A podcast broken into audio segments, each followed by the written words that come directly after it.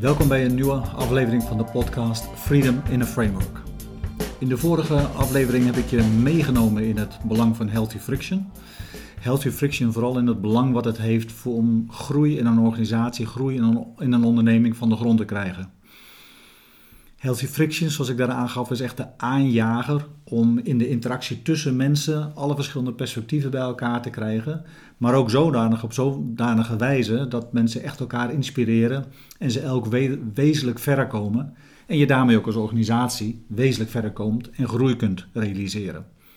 In deze, uh, in deze aflevering wil ik dieper ingaan op wat er eigenlijk komt kijken bij leiderschap en bij de ontwikkeling van het vermogen van leiderschap om healthy friction te kunnen ontwikkelen in je organisatie. Laat ik beginnen met een voorbeeld. Ik was in de jaren 90 nauw betrokken bij de internationalisering van een grote multinational. In die tijd waren ze sterk landen georganiseerd en eh, was de bedoeling om daar vandaan internationaal georganiseerd te raken. Er waren door een consultancy studies gedaan, op basis waarvan het eh, heel helder was dat er de internationalisering een enorme kostenbesparing zou betekenen. En het dus daarmee voor de hele concurrentiepositie, maar ook voor het interne vermogen van slagkracht op het gebied van uh, research and development, van marketing, van de hele productiekant, de supply chain kant, enorm veel beter zou zijn op het moment dat ze internationaal geïntegreerd samen zouden werken. Het bedrijf heeft op dat moment in, uh, een, een Europese directeur aangesteld, waarbij ze probeerde vanuit het type van de directeur die kwam om uh, zeg maar de nieuwe organisatie er op een harde wijze in te krijgen.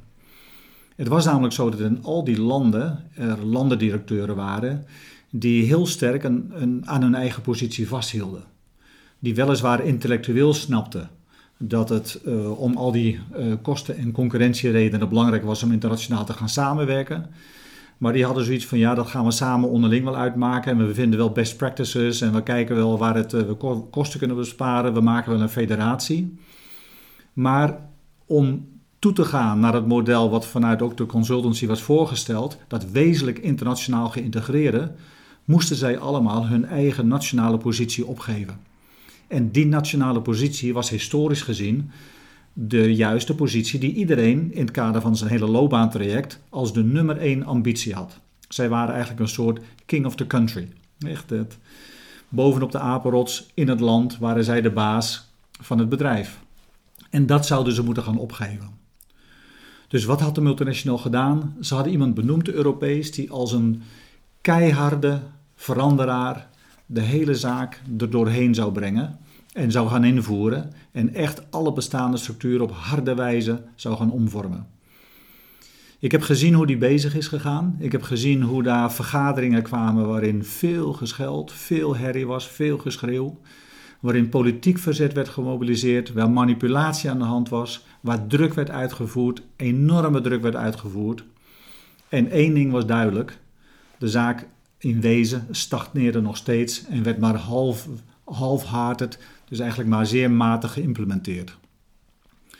Op een gegeven moment zag de multinational dat dat inderdaad niet werkt op deze manier. En toen hebben ze iemand anders uh, benoemd op die Europese leiderschapsbaan. En die persoon was iemand een jaar of vijf, zes voor zijn pensioen. En hij werd door iedereen gezien en gewaardeerd als iemand met een echt uh, diepe inzicht in de business, veel ervaring in de business. En iedereen had duidelijk veel respect voor hem. Hij omgekeerd toonde dat hij veel respect had voor de mensen. Hij is met hen in uitgebreide gesprekken gegaan, heeft ze in groepen bij elkaar gebracht en heeft ze meegenomen opnieuw door de inhoudelijke evaluatie waarom dit allemaal zou moeten gebeuren. En is ook met hen gaan verkennen hoe dat allemaal vorm zou kunnen krijgen. En hoe dat vorm zou kunnen krijgen op een manier waarbij het uh, zij in wezen, al die landendirecteuren, een legacy, dus een, een, een nalatenschap achter zouden laten, waar, waarvoor zij gewaardeerd zouden worden in de toekomst, dat ze het vooruitstrevende inzicht hadden om deze grote verandering door te voeren. En dat hele proces van dit stap voor stap invoeren en doorvoeren van deze veranderingen heb ik zelf als consultant mee kunnen maken en mogen begeleiden. En dat is ook uh, het grote proces geweest waarbij uiteindelijk deze leider op handen werd gedragen. Natuurlijk er moeilijke momenten waren om de stappen te zetten, maar wel degelijk iedereen, uh, omdat ze zo betrokken werden, zo geïnvolveerd werden en stap voor stap ruimte genomen werd voor hun gezichtspunten, dat ze stap voor stap ook meegingen in het vormgeven van die nieuwe werkelijkheid. En het is ook in een van deze workshops geweest dat ik voor het eerst de term gebruikt heb, die sindsdien heel veel gebruikt is, Freedom in a Framework. Die is echt in deze workshops ontstaan. En het bleek een heel krachtige slogan te zijn voor dit soort van grootschalige veranderingstrajecten. In wezen, als ik terugkijk nu, had deze leider, die het Europees is gaan leiden, een hele grote mate van EQ. Een EQ is wat mij betreft, en ik kom daar straks nog wel nader op terug, het vermogen om op een heel kwalitatieve manier met de dynamiek van communicatie in complexe materie tussen mensen om te gaan. Wat ik heel veel zie vanuit mijn werk in organisaties, is eigenlijk wat ik maar het beste kan samenvatten als botsoudertjescommunicatie. Vanuit goede intentie uh, komt er gedrag uit ons voort, zeggen we van alles en nog wat, proberen we druk uit te oefenen, botsen we tegen elkaar aan. We hopen dat daardoor de zaak in een goede richting beweegt, maar we weten het niet echt. En uiteindelijk zien we heel vaak dat de butsen en deuken die we allemaal met elkaar oplopen helemaal niet als prettig gezien worden, maar we weten ook niet zo goed hoe dat nou beter moet. Het was rond het jaar 2000 is het geweest dat uh, Daniel Goleman kwam, die voor het eerst dat hele begrip van EQ naar voren heeft gebracht. Hij bracht het ook naar voren en denk ik ook heel passend in die tijdgeest, en eigenlijk is het sindsdien alleen maar meer geworden, omdat het niet langer nodig was, om op, niet langer mogelijk was om op basis van inhoudelijke deskundigheid in je leiderschap de, de doorslaggevende meerwaarde te brengen. In de jaren 90 en eigenlijk sinds 2000 en vandaag de dag alleen nog maar meer, is het zo dat de samenwerking en het creëren van meerwaarde als organisatie, zoals we ook in de vorige aflevering zagen rondom groei, het vraagt voor mensen om over de grenzen van disciplines heen, over de grenzen van functionele domeinen heen, over de grenzen van landen heen, met elkaar zodanig het gesprek aan te gaan dat er meerwaarde kan ontstaan.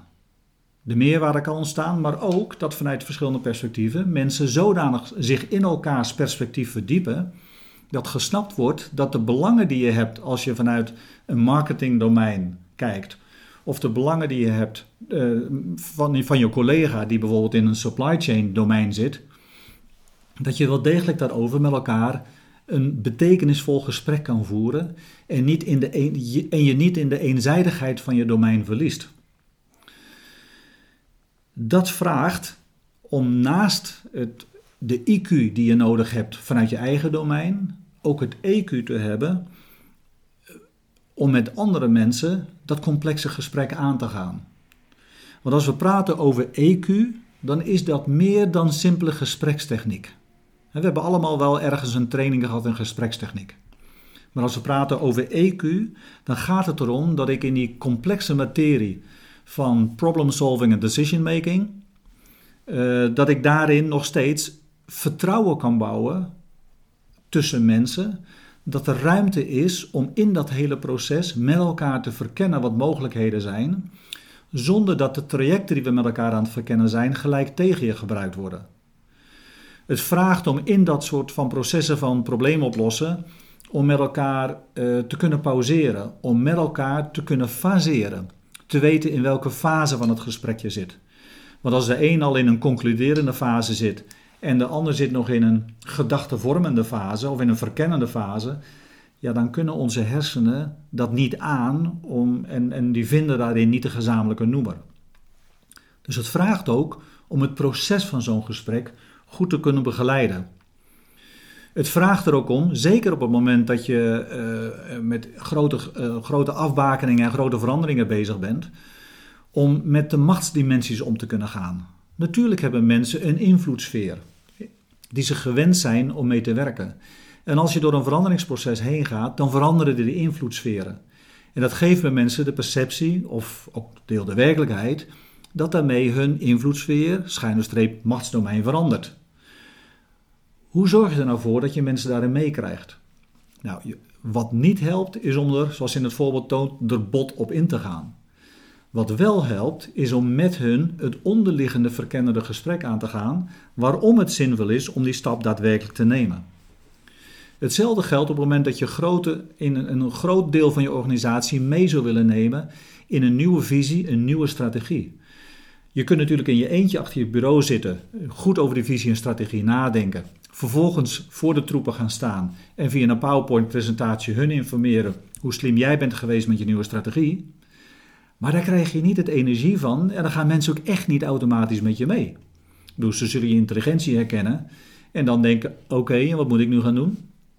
Terwijl als je hen op een participatieve manier, op een consultieve manier, in stapsgewijze processen, via iteraties, stap voor stap en telkens weer door het proces heen meeneemt, waarbij je wel degelijk aangeeft: dit is waar we beginnen en over die periode weer klaar zijn met dit proces. En by the way, ik hou de grenzen ervan in de gaten, of het ook uiteindelijk aan de vereisten voor ons als bedrijf voldoet.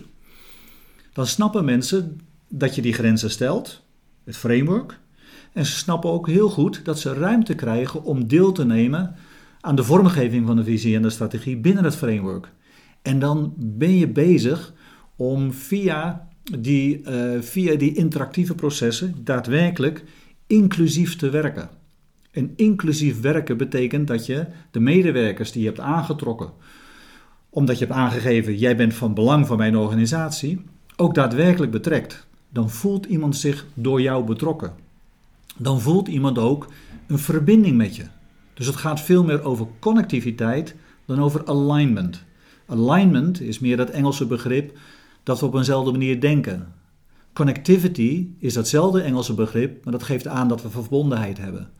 En als je iemand hebt betrokken in het gesprek, hebt verkend waarin de zowel positieve en dingen zijn waar onmiddellijk enthousiasme is, als datgene waar aarzeling is geweest, dan gaan mensen met jou mee en dan zeggen ze: Oké, nou snap ik waarom we deze kant op gaan. En misschien ga jij wel met de ideeën van mensen mee. En op zo'n manier heb ik door de jaren gezien hoe belangrijk het is als leider om in de ontwikkeling van junior leider naar senior leider steeds meer dit vermogen van EQ in je leiderschap daadwerkelijk gestalte te geven. En daarmee ook dus dat het relatieve belang van EQ in het vermogen om je rol als leider gestalte te geven steeds meer toeneemt. Natuurlijk moet je nog steeds IQ hebben. Je moet wel degelijk snappen waar je vak over gaat en hoe een business runt, hoe je de cijfers leest, hoe je de markten leest, etc.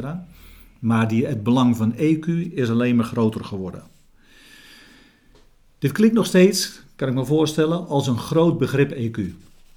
Dat betekent ook dat ik dat heel concreet nu handen en voeten wil, uh, wil gaan geven, hoe je, dat, hoe je dat doet. En waar je op moet letten als je dit soort van uh, uh, gespreksprocessen met je medewerkers aangaat. De essentie van het gespreksproces, wat wij als mensen met elkaar in een organisatie voeren, dat noemen we de discussie. En vandaar dat ik ook de volgende podcast het begrip van de discussie centraal ga stellen en met jullie ga verkennen wat is het eigenlijk? Wat houdt het in, een discussie voeren? Het lijkt zo vanzelfsprekend, maar het is het niet.